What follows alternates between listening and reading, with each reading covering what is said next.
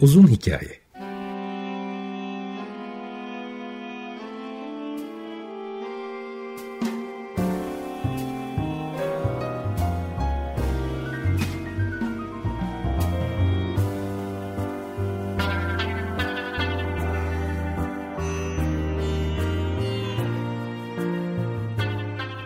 Hazırlayan ve sunan Muzaffer Çorlu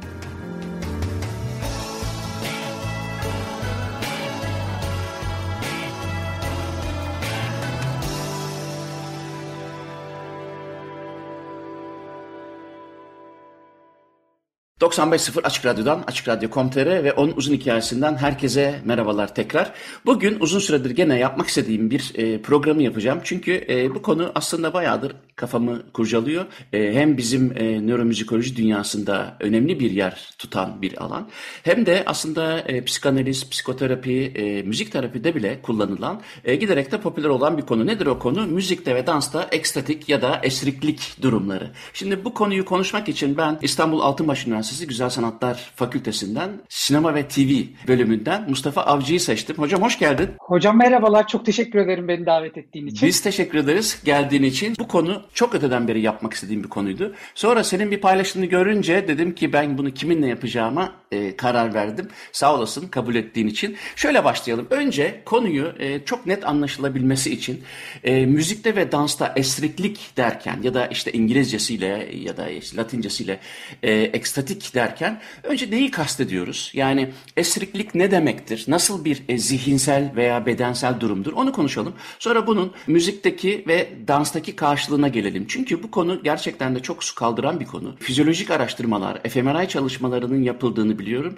Bu makalelerde de okuduğum kadarıyla hem hormonal düzeyde yani endorfin salgılanmasından hem EEG çalışmalarından biliyoruz ki teta e, dalgalarının e, yayılmasını ya da daha çok uykuda, meditasyonda, yogada karşılaştığımız bu yaratıcılığı da tetikleyen, hafızayı da olumlu etkileyen bir beyin dalgasına da yol açabiliyor. Dolayısıyla bu hani neresinden dokunursanız dokunun zihinsel ve bedensel anlamda çok yararlı gözüken ve bir o kadar da tasavvufa da uzanan bir konu. Dolayısıyla bu kadar karmaşık bir konuyu seninle tartışırken önce esriklik yani ekstatik durumdan neyi kastediyoruz öyle başlayalım dilersen. Hakikaten çok güzel özetledin. Hem fiziksel hem e, psikolojik yani hem iç alem hem dış alem boyutunda insanı çok yakından e, ilgilendiren ve etkileyen bir konu bu. E, esriklik dediğimde ben ne anlıyorum ya da e, biz ne anlıyoruz ya da sosyal bilimciler ne anlıyor diye bakacak olursak e, aslında esriklik dediğimiz mesele insanın kendinden geçme hali, bir aşkınlık, bir, bir yükselme hissi.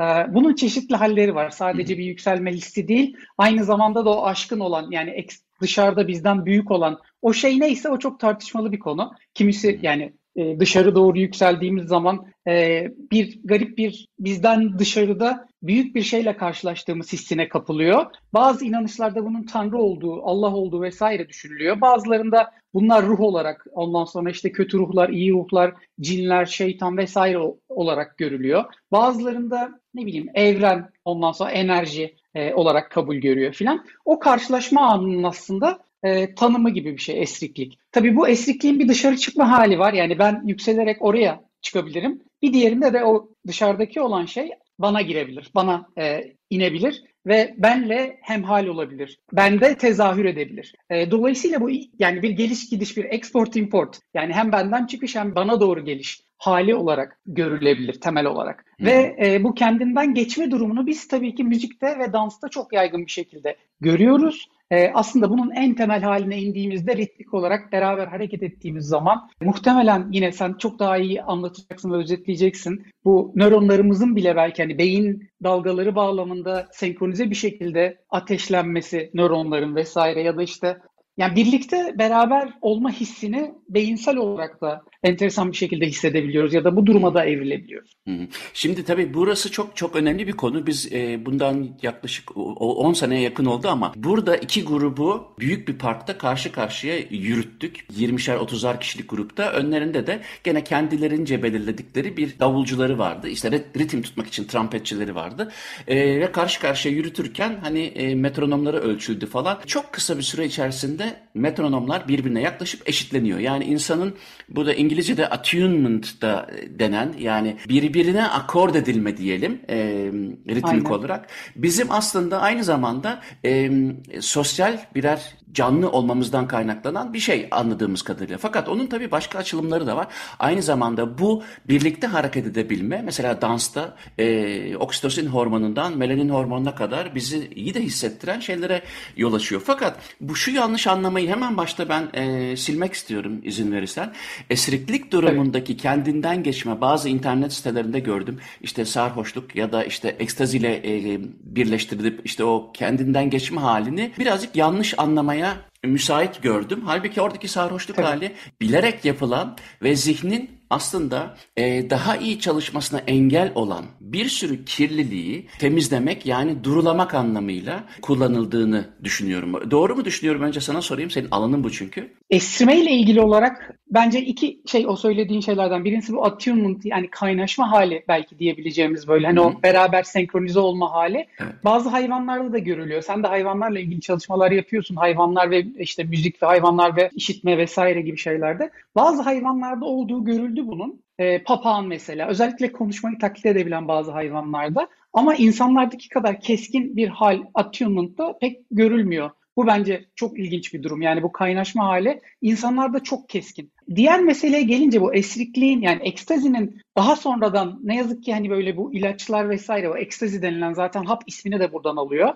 E, MDMA denilen, MDMA denilen e, ilaçların bir kısmı insanın ilaçsız bir şekilde ulaşabildiği bu hale yani gasp edip bir şekilde bunu ilaçla da sağlayabilme yolunu belki de üretiyor ama ikisi birbirinden çok farklı. Hmm. İlaç bu bağlamda bizim ilaçsız bir şekilde de yaşayabildiğimiz bu hale gasp eden bir doğal olarak bir süreç. Yani e, bilmiyorum hani bir cevap olabildi mi tam olarak tabii, senin tabii. söylediğine. Ama şöyle de bir durum var yine çok enteresan bir şekilde. insanın bu hale ulaşması Afrika müziği geleneklerinde bunun çok daha yaygın olduğunu biliyoruz. Yani okumuş yani Batı dünyasına bu daha çok Afrika müziği oradaki işte bu işte caz geleneği, ondan sonra gospel geleneği, blues vesaire ile giriyor ve te, hani bilimsel araştırma konusu haline gelmesi birazcık da ehlileştirilmemiş bir gelenek olan bu müzikler üzerinden e, kendini gösteriyor. Aslında tabii ki Avrupa müziğinde de var. Yani klasik müzikte de sonuçta swing denilen işte böyle bir orkestranın böyle ritmik olarak böyle hafif hafif sallanabilmesi, o muazzam icranın bir şekilde kendine e, yine benzer bir aşkınlık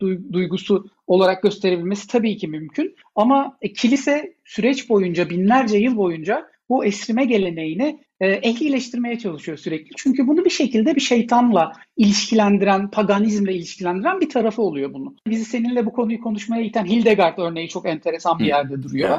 E, Hildegard e, belli içgörüler, e, belli vision denilen e, şeyler görüyor ve aslında bu bağlamda hem müziğine hem de e, sözleri cennetin yani işte Hristiyan e, tasavvurundaki cennetin seslerini duyduğunu iddia ederek yepyeni bir e, dini müzikal bir alan yaratıyor şarkılarıyla ve işte e, o dini o, oyunlarıyla. Dolayısıyla bu ehlileşme meselesi önemli hani burada. Tekrar şeye başa dönecek olursak yani Afrika müziklerinde daha yaygın görülüyor. Batı e, burada tanıdı dedik. Bir yandan da bu müziklere baktığımızda aslında e, bu müziklerin çoğunda e, yani Dionysos kültüne de tekrar geri dönecek olursak bu müziklerin pek çoğunda aslında yani içkisiz bir şekilde başarılabilen bir hal olduğunu biliyoruz ama özellikle alkol vasıtasıyla daha kolaylaştığını hatta bazı tarikatlarda işte buna yol açabilecek bazı kimyasal maddelerin alındığını, kimyasal derken tabii ki e, aslında esrar e, ve türevi ilaçların alınabildiğini de biliyoruz. Bu hali çok kolaylaştırdığı için. Şimdi tabii bu e, Hildegard'dan bahsettik. Hildegard von Bingen. Benim açımdan e, işte seninle iletişime girmemi de sağlayan oydu. Çünkü e, aslına bakarsan ondan çok daha önce yani çünkü Hildegard von Bingen dediğimiz zaman yani hadi orta çağa kadar gitmiş oluyoruz ama benim gördüğüm kadarıyla dokümente edilmiş haliyle e, aslında Gregorian ayinlerine kadar geri dönecek olursak yapılan bir çalışma var. Benim çok ilgimi çekmişti. O da Gregorian ayinleri sırasında insanların gözleri kapalı olmalarına rağmen e, e, MR çekildiklerinde e, görme merkezlerinin aydınlandığını, görme merkezlerinin harekete geçtiğini görüyoruz. Yani aslında e, biraz önce anlattığın e, o vision yani e, hayal ederek görme diyelim olayının beyin tabanlı korelasyonlarını görmüş oluyoruz. O müziğin özelliklerini incelemek gerekirse işte uzun tutan sesler farklı renklerde ama e, aynı tonda söylemeleri yani çok sesli değil bunlar monofonik müzikler. Tabi o zaman erkek serbest olduğu için erkeklerin söylediği ama tabi e, ince sesli, kalın sesli, timbri e, işte farklı olan erkekler tarafından bir ortalama ses çıkıyor. Bu da çok ilginç çünkü o ses de aslında bulunan bir ses değil. Neden? Çünkü 7-8 tane erkeğin ortalama sesi. Bugün bazı stüdyolarda da yapıyorlar onu. Dolayısıyla bütün bunlar birleştiği zaman e, aralıkların nasıl bulunduğu falan durumu kişiyi yükseltiyor. Dolayısıyla anlattığın şey çok paralel. Yani Hildegard von Bingen'den sanıyorum çok daha öncesine giden bir durum. Tabii tabii çok eski. Yani tarihsel kanıt fosilleşme vesaire olmadığı için müzikte yani çok fazla yani geçmişe dönük elimizde 40 bin yıllık flütler var filan. Onların bile flüt olup olmadığı yani müzik yapmak için kullanılıp kullanılmadığı yönde bazı tartışmalar var şunlar bunlar ama biz müziğin insanlık tarihi kadar eski olduğunu yani insanın evrimi kadar eski olduğunu neredeyse özellikle nörobilimciler ve evrimci psikoloji vesaire çalışan da arkeologlar vasıtasıyla biliyoruz. Yani tahmin ediyoruz ya da teori diyelim bunlara. Biliyoruz ki dille beraber çünkü dille müzik arasında çok ciddi bir ilişki olduğunu, e, çok müziğe benzeyen tarafları olduğunu, müziğin dili andıran tarafları olduğunu ve büyük ihtimalle bunların birlikte evrimleşmiş olabileceğini yani hangisi diğerinden daha öne gidiyor bilemiyoruz ama bunların birlikte evrimleştiği yönünde çok fazla teoriler var. Dolayısıyla e, bunun eskiliği muhtemelen insanlık tarihi kadar eskidir diyebiliriz. Mistisizm dediğimiz zaman yani tasavvuf kelimesi Yunanca e, kapatmak anlamından geliyor. Göz kapatmak dedin ya o, o bağlamda bence çok ilginç bir bağlantı olduğu için söylemek istiyorum. Muo fiilinden türetiliyor. Gözlerini ve dudaklarını kapatmak. Bunlar kapanınca kulak kalıyor açıkta. Bu bağlamda mistisizmin işitmek ve duymakla çok yakından bir ilişkisi var. Ve bu kapatma fiili yani bir şekilde gözler ve dudaklar kapatınca dediğim gibi kulaklar açık kalıyor. Aslında sema, semah, dinleme ve işitme ritüelleri mesela İslam'da yer alan, Alevilikte yer alan e, bununla da ilişkilendirilebilir diye düşünüyorum ben. Yani işte ne bileyim arkeolojidir, e, psikolojidir vesaire yani tam hard science olmasalar da bunların bilimsel kaynaklarına bakabiliriz. Bir diğeri de dinin e, bu konuda ne öngördüğüne bakabiliriz. Yani bir şey olmasa da, e, tarihsel bir kanıt olmasa da mesela dine baktığımız zaman da hem Hristiyanlıkta hem Müslümanlıkta ben daha çok tu, yani tasavvuf deyince Hildegard ee, yine onlar da antik Yunan'a dayanan bir tarafları var ama İslam felsefesinin de buna dayanan bir e, temeli var. Bunlara baktığımızda da pek çok sufinin aslında müziğin kaynağını yaratılışa götürdüğünü görüyoruz. Bu bağlamda ilginç bence. Mesela Cüneyt, Şibli, Nuri gibi eski sufiler var. Bunların hepsi sema ve raksa e, onay veriyorlar. Ve işte Cüneyt özellikle e, yani Cüneyd-i Bağdadi denilen sufi e, misak nazariyesi diye bir teori ortaya atıyor. Bunlar da teori diyorlar yine bu işlere. E çünkü bilemeyecekleri için böyle bir şey Kur'an'da da olmadığı için buna göre şey diyorlar işte yani Allah ruhları yaratıyor sonra ben sizin Rabbiniz değil miyim diye soruyor. Bu daha sonra Eles teorisi olarak da adlandırılacak. Yani Elestü bir Rabbiküm diye soruyor. Ruhlar da ona evet diyorlar ya ben sizin Rabbiniz değil miyim? Mesela Cüneyt diyor ki müziğin verdiği ilksel haz Allah'ın bu sorusunu duyan ruhların duyduğu ilksel hazına eşittir diyor. Aslında çok psikanalitik bir tarafı da var bunun. Hı hı. Bir yandan. Yani dolayısıyla ilk duyulan ses Allah'ın sesi ruhlar tarafından daha sonra e, müzik olarak yani müziği de bir ruh olarak görüyorlar neredeyse bu nazariyede. Bizim müzik olarak duyduğumuz şey sürekli bizim aslında e, Allah'la ya da Tanrı ile kurduğumuz bu ilksel hazla alakalıdır diyorlar. E, bu bana çok ilginç geliyor. Ve o andaki o esriklik duygusunun kaynağını da o ilksel haza bağlıyorlar. Onun kaynağını da o deneyim olarak e, görüyorlar. Bir ufak bir şey daha ekleyeceğim. Tabii bunun 3-4 tane farklı teori var bu bağlamda. Bir diğer teori de bunu, bunu da işte e, Hazret İnayet Han diye şey bir sufi dile getiriyor. Hint, Hindistan'da. E, o da şunu söylüyor. Ruhlar yaratılıyor Allah tarafından. Daha sonra işte bedenler yaratılıyor çamurdan. İşte bedeni Hazreti Adem. Ve Allah ruha diyor ki gir e, bu bedenin içine. Ruh girmek istemiyor çünkü ruh bedensel bir esaret demek. Öbürü e, tamamen bir özgürlük alanı falan. E, girmiyor. Daha sonra müzik yapılıyor. Bazı melekler müzik yapıyorlar. Ruh müziğin büyüsüne kapılıp çünkü yine muhtemelen o bedende müziği daha iyi duyacağı için bedenin içine giriyor ve bundan sonra başlayacak esareti o beden içerisindeki müzik tuzağı yoluyla e, ortaya çıkıyor. Dolayısıyla da müzik e, insanın daha iyi duymak için bedene sokan insanı şey, e, tuzağın ta kendisi. E, böyle bağlantılar da var. Dolayısıyla da insanın o bedensel varlığının kökenini de sufiler müzikte arıyorlar. Bence çok ilginç bu. Bilmiyorum ne düşünüyorsun? Bence de şimdi benim çalıştığım alanın hani Türkçe'ye bedenselleşmiş müzik bilişselliği diye çevriliyor herhalde. Öyle ben çevirdim şimdi ama hani embodied music cognition denen şey. Onun bayağı bir e, mistik şeylerine gitmiş oldu bu. Ben, ben ilk defa duydum ama hikaye ilginç. Çünkü neden ilginç? E, gerçekten de bir bedene ihtiyaç var müziği algılamak için. Bu, bu, Çok e, enteresan. Bu, bundan hiçbir kuşkum yok benim. Yani bizim değil. Çünkü burada müziği daha iyi algılamak için bir bedene girmek. Yani bedeni de zaten hani beynin extension'ı gibi düşünürsek bir bedene girmek isteyen ruhun düştüğü tuzak. Yani hakikaten böyle şey antik Yunan e, hikayeleri gibi benim benim çok hoşuma gitti. Bunu bir araştırayım çünkü gerçekten bilmediğim için yani böyle bir hikayenin varlığından haberim bile yoktu. Çok fazla bilinen bir hikaye değil ama Hazreti İnayet Han e, şu an aklıma gelmeyen çok ünlü Farsça yazan bir şair bunu aktarıyor diyor. Ben onun bütün şiirlerine vesaire İngilizce'de de Türkçe'de de bulduğum çevirilerine baktım bulamamıştım. E, ama sonra bunu e, başka bir kaynakta buldum. Ben de çok heyecanlandım. İlk yani Hazreti İnayet Han'da buldum. Bedene girme meselesini ruhun. Daha sonra Türkçe kaynaklarda da rastladım. E, hakikaten çok ilginç. Yani o bedene ihtiyaç duyma meselesi. Çünkü yani müzik ve sesin hem materyal olması hem de olmaması. Bahsedeceğiz. Öyle o müzik arasından deredeli... sonra oraya gireceğiz. Evet oraya girelim. Onu unutmayalım. Bu arada deredeliği meselesi aslında esrikliğin ta kendisinde de var diye düşünüyorum ben. Bütün şimdiye kadar bahsettiğimiz şeylerde. Ee, hep biz böyle gördük ya böyle Batı felsefesi kendisini ya da Batı düşüncesi kendisini antik Yunan'dan e, başlatır. İslam felsefesi ya da işte Doğu düşüncesi de kendini Batı felsefesinden en azından tırnak içinde bizim dahil olduğumuz dalı buradan başlatıyor ve e, bunu hakikaten bu konuyla ilgili yazılması, çizilmesi, araştırmalar yapılması cidden konuşulması gerekiyor. Çünkü hakikaten İslam felsefecileri ya da işte yani Farabi'den başlayarak antik Yunan düşüncesini Müslümanlaştırıyorlar. E, Neoplatonizmi Müslümanlaştırıyorlar. Buna katılanlar var, katılmayanlar var fark etmiyor. Ama pek çoğunun ortak referans kümesi şeye gidiyor e, antik Yunan felsefesine gidiyor. Pitagoras oradaki önemli kurucu figürlerden birisi. Mesela antik Yunan felsefesinde Hermes denilen figür biliyorsunuz e, müziği iki icat yani müziği icadı ile ilgili iki tane temel kaynak var. Bunlardan antik Yunan'da bahsediyorum. Bunlardan bir tanesi Hermes'i ilgilendiren kaynak. Hermes dediğimiz kaynak e, İslam felsefesinde bazı yani İslam mitolojisinde bazı kaynaklar tarafından e, Hazreti İdris olarak, İdris Bey olarak görülen figür. E, dolayısıyla hani bu bu arasındaki ilişkiyi kurmak beni de çok heyecanlandırıyor.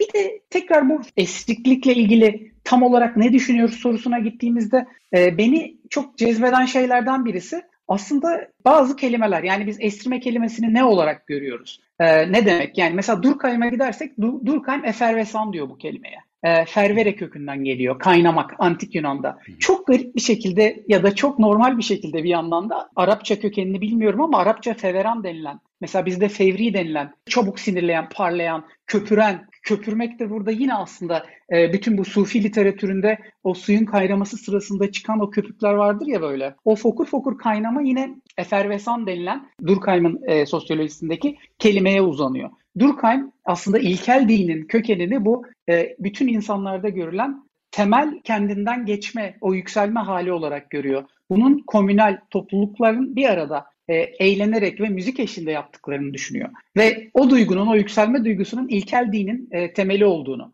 düşünüyor mesela. Efervesan dediğim gibi feveran olarak Türkçe'de de Arapça kökeniyle görülüyor. Sonra işte vectali diyoruz. Vectali aslında e, yine kendinden geçme. Ne bileyim bunun çoğuluna mevacit deniliyor. Vecde gelene vacit deniliyor. Ondan sonra işte tevacit, vücut filan gibi farklı farklı halleri var. Esrimek, sarhoş olmak anlamına geliyor aynı zamanda. Kızgınlıktan delirmek anlamına geliyor, azmak anlamına geliyor. Yani hem cinsel olarak hem kudurmak böyle işte böyle fokur fokur kaynamak yine. İşte devenin mesela kudurduğunda köpürdüğünde esridi diyorlar deveye. Eski Türkçe bazı şeylerde. Dişi deve için Esürmek dediğinde Anadolu Türkçesinde ya da eski Türkçede işte erkek istiyor. Artık çiftleşme kızana geldi. Kızana gelmek yine aynı şekilde. Dolayısıyla bu işte yani esirmenin cinsel, dini, maddi bazı şeyleri var. Ee, sarhoş olmak vesaire gibi. Bunların hepsini bir içinde taşıyor. Ya da galeyan mesela kaynamak, taşmak yine azmak demek. Süblimleşme diye e, Batı felsefesinde Kant ve Hegel bunu farklı farklı ayırıyor mesela.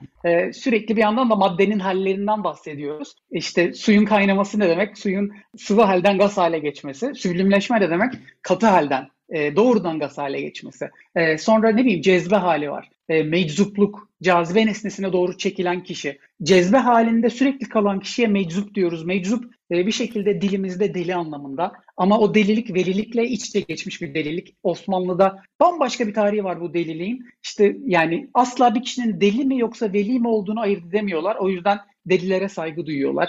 E, fenafille hali, kaynayıp coşmak. Yani bunları daha da uzatabiliriz. E, pek çok farklı kelimenin böyle çok acayip birbirine bağlanan bir tarihi var. E, ve bu bağlamda da belki çalacağımız Türkiye'de işte bir hazırlık Zaten ona bağlayalım. Coşmayı... Senin seçtiğin Türkiye bağlayarak istersen konuyu toparlayalım. Tamam, tamam olur. Ben bir şey söyleyeceğim tam bu noktada. Ben hiçbir fikrim olmadan e, yani hiç bilmeden ben Sünni bir gelenekten yani Sünni bir aileden geliyorum. Alevi bir aileden gelmiyorum ama çok şanslıydım. Babam Alevi değişlerinde yani müzik konusunda bir omnivordu e, tam anlamıyla. Her şeyi dinlerdi. Mesela şeyi dinlediğimizi hatırlıyorum. Kul Hüseyin'im der ki kaynadım coştum bu aşkın elinden serinden geçtim. Çağrışa çağrışa ummanlar açtım vesaire diye giden sözleri. Ben onu dinlerken arabada bir gün böyle kaynayıp coştuğumu hatırlıyorum. Yani bu esrime haline yakın o hani kendinden geçme halini yaşadığımı. Bunu çok merak etmiştim. Niye böyle hissediyorum ve ne bileyim işte mesela sonra Dede Efendi'nin ben seni sevdim seveli kaynayıp coştum. Aklımı yağmaya verdim, fikrimi şaştım. Ondan sonra Mecnun'a şimdi eş olup dağlara düştüm dediği o şarkısını e, da en azından hani onda da yine böyle şeyler düşündüm. Ve o şarkılarda da bu hissi buldum. E, buradan şuraya geçmek istiyorum. Ulaş Özdemir'in Ummanda adlı e, nefis albümünde 1998 yılında çıkmıştı yan, yanılmıyorsam. Orada Ulaş Özdemir şey, Lameken elinden diye bir deyiş var. Bir e, Hüseyin İmir Afet tarafından galiba Ruzba ile çalınıp söyleniyor. Ulaş da beş telli bağlamasıyla eşlik etti diye biliyorum. E, yanlış olmasın. Orada da şey diyor, bu aşk bir bahri ummandır. Oradaki umman konusunu daha sonrasında konuşalım. Freud'la ve işte yine bu kendinden geçme e, hikayeleriyle olan alakasından belki e, bahsedelim. Tamam o zaman ne dinliyoruz şimdi? Ulaş'ın albümünden değil mi? O albümden hangisi? Ulaş'ın albümünden La Mekan Elinden'i dinliyoruz. Ulaş Özdemir'in albümünden dinlediğimiz parçayla bugün Mustafa Avcı ile birlikte e, müzikte ve dansta esriklik konusunu konuşuyoruz. Biraz önce antik Yunan'a, e, İslam felsefesine kadar dayanan hem kelimenin anlamını, bize neler çağrıştırabileceğini konuştuk. Hem de biraz da şu kaynama işinden ruhların müziği daha iyi duyumsamak için bedene girmesiyle işlediği günahtan ve dolayısıyla bir sürü dinde de yasaklanmasını da belki açıklayan e, fenomenlere de değinmiş olduk. Şimdi Batı felsefesinde de daha doğrusu bizim alanımızdan daha hakim olduğum alandan konuşayım.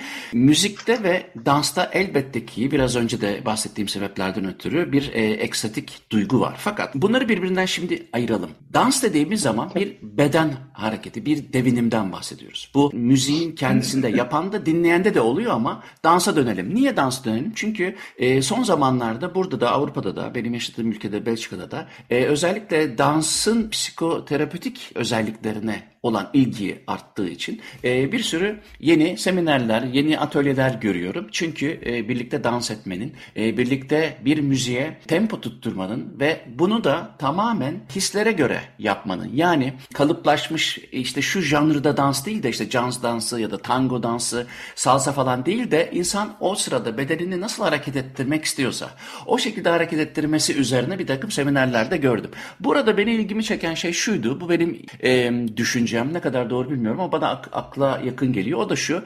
E, ekstazik ya, ya da esriklik durumunda müziğe ayak uydururken beden zihni o biraz önce bahsettiğim gibi gözü kapatma, zihni kapatma sadece işitsel e, mekanizmalarla e, Tanrı'ya, Allah'a, doğaya her ne diyorsak oraya ulaşma ve ondan zevk alma biçimi yani kapanma biçimi. Hani şu teta dalgaların daha yüksek olduğu, endor, endorfinin de salındığı anda aslında müziğin şöyle bir işlevi olduğunu düşünüyorum. O da e, bütün bunları yapabilmek için dış uyarını zihin kendisi üretmiyor. Dışarıdan müziği alarak bedenini o müziğin ritmine sonuçta o bir hava moleküllerini hareket ettiren bir şeyden bahsediyoruz ve o hava moleküllerine aslında uyum sağlayan bedenini dinleyen bir zihinden. Dolayısıyla üçe ayırmış oluyorum. Biraz kartezyen oldu ama e, dolayısıyla bedeni buraya koyuyorum. O yüzden de dansı çok önemsiyorum. İstersen bu esriklik durumunda dansı ele alalım şimdi.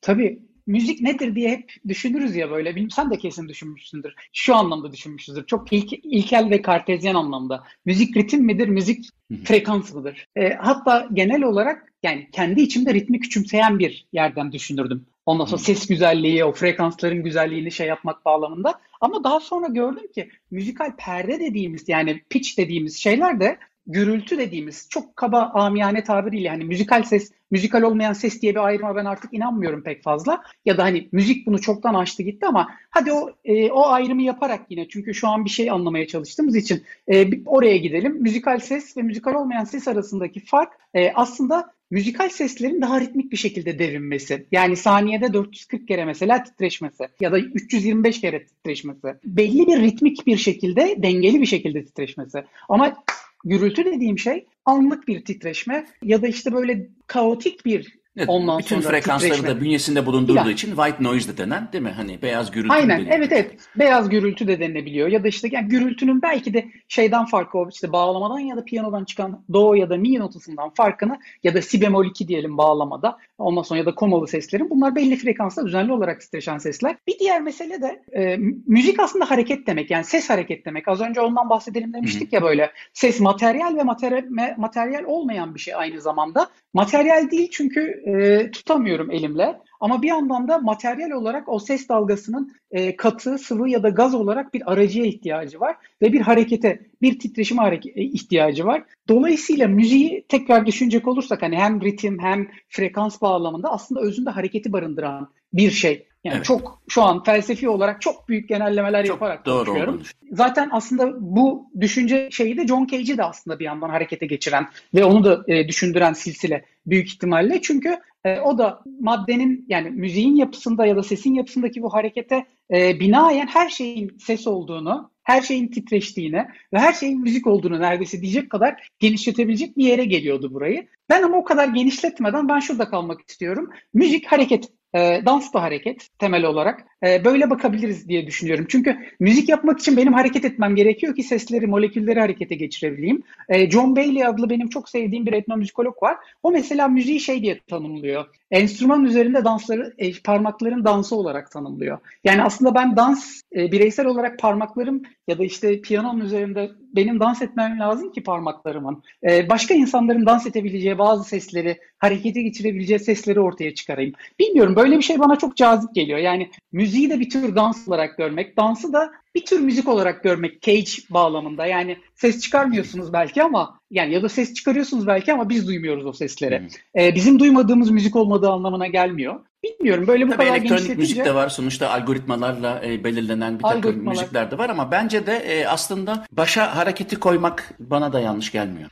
Hani ba- dansın tanımına da aslında buradan girebiliriz. Çünkü dansta da işte bu zaten mevcut harekete ya işte yapılan müziği duymakla ya da iç, insanın kendi içinde duyduğu ritmi, e, titreşim ya da müziği duymakla ona uyum sağlama isteğinin Aynen. dışa vurumu tezahürü olarak da bakabiliriz o zaman. İki şey söyleyeceğim. Yani birincisi aslında bu Walter J. Freeman diye bir nörobilimci var. Dansla da ilgileniyor. Mesela onun söylediği bence muazzam bir şey. Diyor ki müzik ve dans insanlarda grup kurmanın biyoteknolojisidir. E, beyinde bir şekilde yani bunun tabii ki o açıklamaları, reward mekanizmler, endorfinler, teta dalgaları vesaire Onları bir yere bıraktığım zaman, onları size bıraktığım zaman benim haddime çünkü çok düşen bir alan değil. Benim aldığım şey hakikaten de yani Walter J. Freeman yazdıklarından ya da işte David Levitt'in yazdıklarından o da mesela müziğin ve dolayısıyla dansın ödül mekanizmasını harekete geçirdiğini, aynen türün devamını sağlayan e, cinsellikte olduğu gibi ya da uyuşturucuların mesela bunu gasp etmesi örneğinde olduğu gibi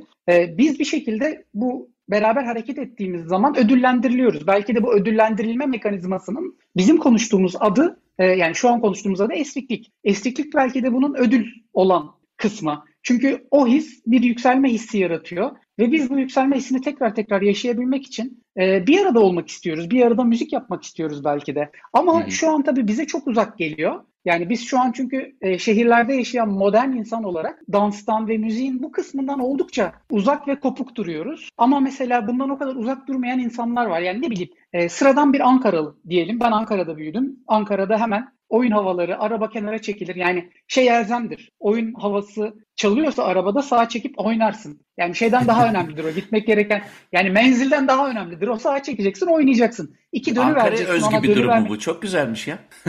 Ankara'da hala yaşıyor. Niye olması- yani radyoda Ee, müzik yani çaldığı zaman herhangi bir Ankaralı'nın arabayı kenara çekip oynaması durumu bence süper ya. Haber olacak muhteşem Bence de bir durum. süper. E, çok vardır o. Yani bu mesela yani ben büyürken biz gerçekten arabayla giderdik. Güzel bir oyun havası çıktığı zaman hakikaten dururduk, sağa çeker, oynardık. Ondan sonra devam ederdik. Yapma ya Bunun süper. çok da Vallahi çok ilginç bir şey bence. Ama ben artık böyle değilim yani. Benim için oynamak çok böyle üçüncü, yani şu an teorisiyle ilgilenmek maalesef işte teori ve praksis ikileminden teori kısmına doğru geçmiş duruyorum mesleki de şeyden İşte onu dolayı. yapmamak lazım ya.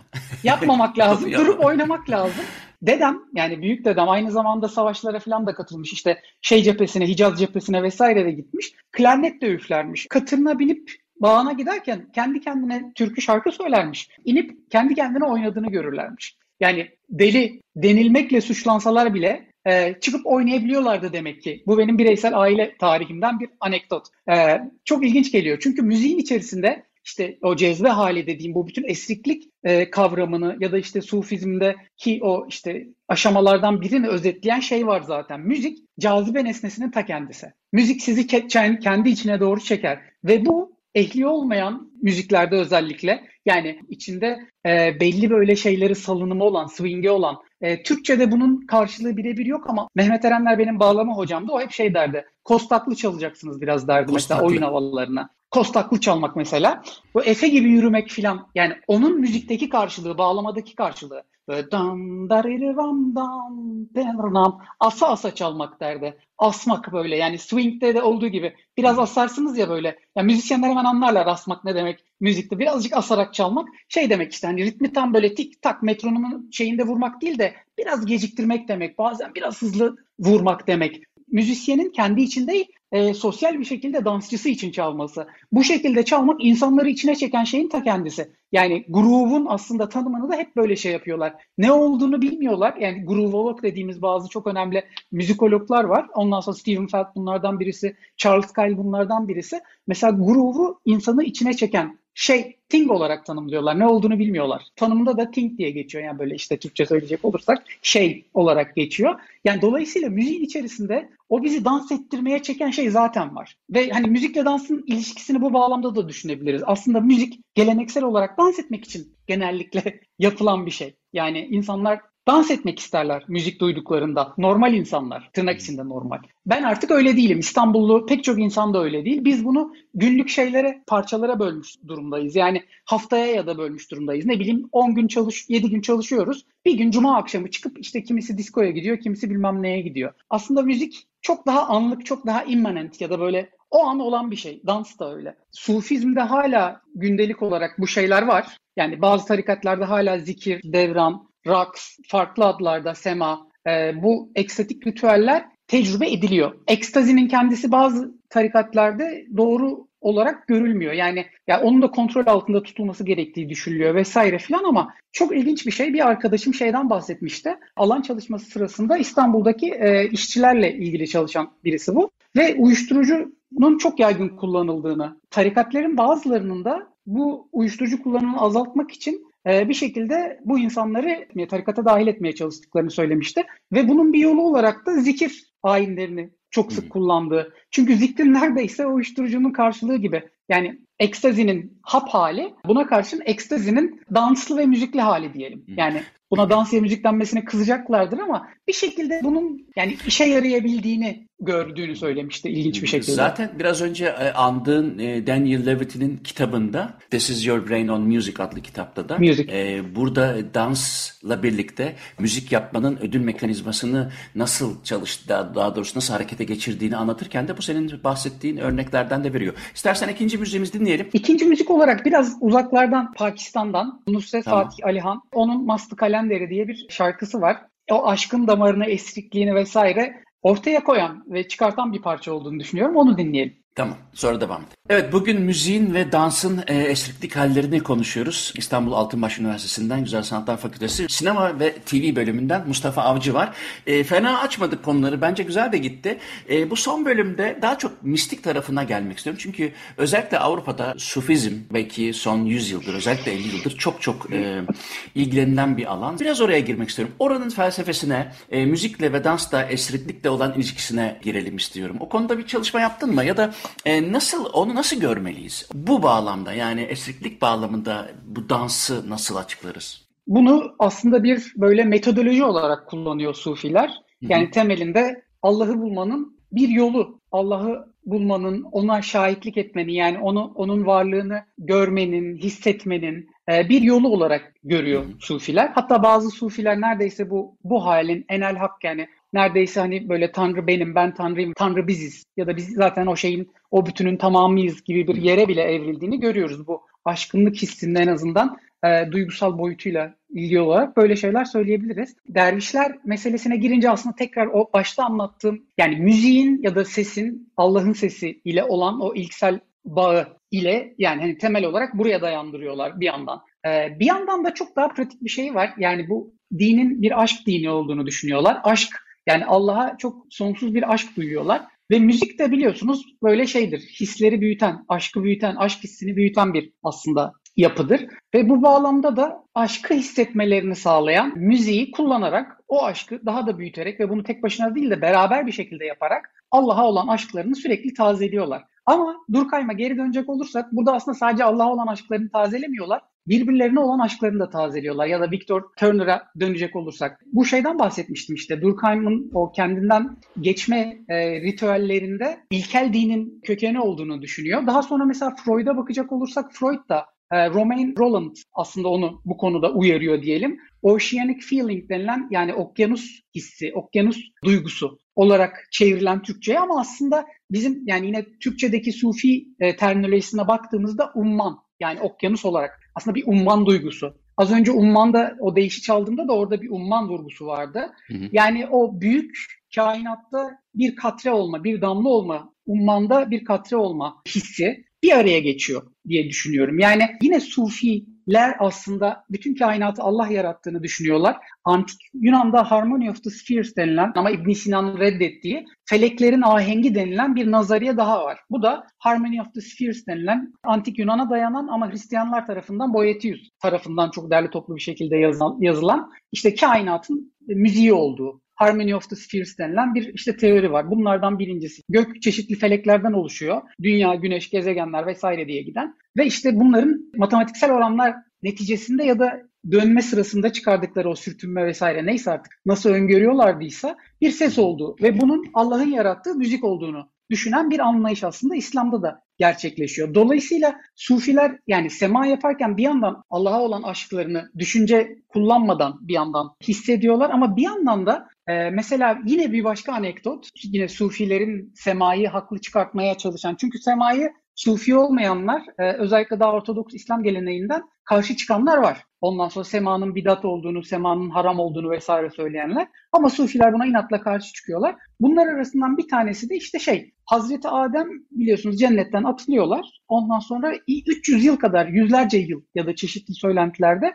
ağladığı. Allah'ın da bir gün ona sorduğu sen niye ağlıyorsun? O da diyor ki ben ne cennetten atıldığımı ağlıyorum ne de cehenneme gideceğime ağlıyorum. Böyle bir şey değil. Ben cennette e, bütün meleklerin bir araya gelip işte Yüce Allah diye sema ettiklerini, beraber şarkılar söylediklerini e, ve o sesleri çok özlüyorum ben diyor. Allah da bunun üzerine diyor ki kafanı yukarı kaldır. Adem kafasını yukarı kaldırıyor ve bir bakıyor. Mikail eşliğinde meleklerin onun zakir başılığı eşliğinde semaya durduklarını görüyor. Yani yine böyle bir hafif feleklerin ahengi nazariyesiyle bir bağlantılı olduğunu görebiliyoruz. Yani Adem burada çünkü buna çok benzer bir hikaye yine e, yanılmıyorsam Pitagoros'la ilgili de anlatılıyor. Pitagoros da baktığında işte bu feleklerin sesini duyabiliyordu diye anlatıyorlar. Yani yine antik Yunan'dan alınan ve Müslümanlaştırılan bir hikaye, mitolojik bir hikaye görüyoruz burada. Ve işte e, şuraya gelmek istiyorum. Aslında teorik temellerine baktığımızda sema ritüeli bir Allah'ı dinleme, bir kainatı dinleme ritüeli. Yani o işte dönerken o ellerin yukarıya olması çok daha farklı e, şeyler de var, sembolizmler de var. Ama temeline baktığımızda e, bir Tanrı'nın sesini duymaya bir işte meditasyon yoluyla kafamızı sarmalayan o bilimum gürültüden kurtulup dinleyerek Allah'ı bulmaya çalışmak. Çünkü görerek Allah'ı göremiyorsun. Öyle bir şey yok ama Allah ya da Tanrı diyelim Orta Çağ anlatılarında yani Rönesans öncesi anlatılarında pek çok dinde büyük ölçüde e, bir his yani titreşim, vibration denilen sesin de temeli olan ya bir şeydir, sestir ya da bir böyle vibration'dır. Yani bir titreşimdir. Ee, bilmiyorum belki de bunu aramanın bir yolu olarak düşünülebilir. Yani Mevlana'nın da sanırım dediği gibi kulak iyi duyuyorsa gözdür diye e, aslında e, oraya düşmüş oluyor. E, Mevlana da şey çok acayip. Çekiç sesini dinlerken birden semaya başlıyor ya. Çekiç sesindeki ritmi onun büyüsü onu birden e, semaya şey yapıyor. Ama bu hikaye de mesela çok ilginç bir şekilde Pitagoras çekiç seslerini dinlerken sesin matematiksel özelliklerini fark ediyor. Ya böyle çok güzel ufak ufak e, antik Yunan'la Sufizm, İslam arasında çok enteresan bağlantılar var. Bunlar beni de çok e, heyecanlandırıyorlar. Müziği Ondan merkeze sonra... koyarak o bağlantıları yapmaya devam edeceğim. Çünkü üzerinde şu anda okuduğum bir iki bir şey var. E, bu tam da bu söylediğin yere denk geliyor. Çünkü gerçekten e, müziğin matematiksel oranları ya da matematik ile açıklanabilir tarafla e, gönlü kalbi koyarak anladığımız şey arasında müthiş bir bağlantı var. O da dediğin gibi yani sadece antik Yunan ya da işte Sufizmle de sadece ilişkili değil. Sıradan gündelik insan hayatında var olan fakat e, birisi gösterse de keşke fark etse kadar yakınında duran ama ıskaladığı şey gibi geliyor. İstersen bu şekilde de bitirelim çünkü e, süremiz doldu. Var mı? Sanki öyle bir bakıyorsun ki ya bunu da söylemezsem içimde kalır gibi baktın. Yok çok söyle. heyecanlandığım için bakıyorum. Ben de bu, bu söylediğin şeyle ilgili olarak şöyle bir şey çok ilginç yani geliyor bana. Ee, biraz şeye benzetiyorum. Birisi böyle daha kimya gibi. Bir diğeri de aşçılık gibi. Yani biz insanların gündelik müzik dinleme zevki daha o lezzetle alakalı kısmı. Ee, öbür ama bak, kısmı da... E... Ben sana sözünü kestim. Bir örnek vereyim. Geçen gün burada Belçika'da bir e, kanal var. E, yemek kanalı daha çok. Orada bir şey seyrederken e, bir de belgeseller de böyle etnik mutfaklardan belgeseller de gösteriyorlar. Şimdi beni şey çok sıkıyor. Şimdi şefler şeyi anlatıyor. 25 gram tuz. Küçük de bir ölçek var. Yani tartı var. E, koyuyor 25 gram tuzu e, ve döküyor tencereye o falan. Kadar, Şeye bakıyorum. Ya diyorum ki bu bizim Türklerde asla olmayacak bir şey derken gerçi sadece Türkler özgü değil. İtalyanlar, Yunanlar da koymaz. Yani yemek yeme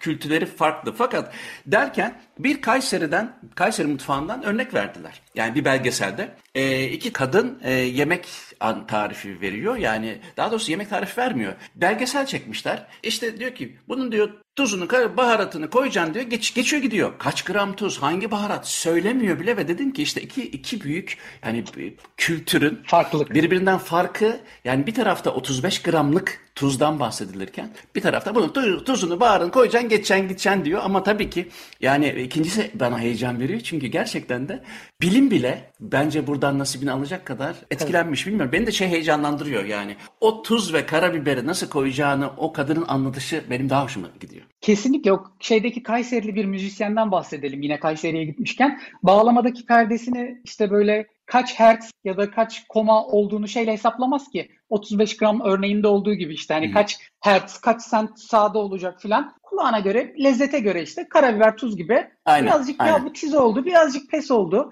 Bu iyi ya filan diye. Yani hani bir yandan da müziğin böyle bir tarafı var. Öbür tarafı bunu çok şey yapabiliyor. Aslında öbür çok tarafı da çok hoş. Çünkü lezzeti. öbür tarafı da yani çok hoş, çok kaç hoş. frekansta olduğu ya da bir renkten bahsederken rengi anlatabilmek mesela bir 17 ve 18. yüzyıl oboaları arasındaki fark. Birisi oboa de amore, öbürüsü klasik oboa. Hemen farkı anlıyoruz. Şimdi o farkı anlamamızın sebebi tabii ki ağaçları farklı, işte renkleri farklı, şudur budur ama e, o farkı da matematik olarak ya da bilimsel olarak keskinleştirmek de zevkli.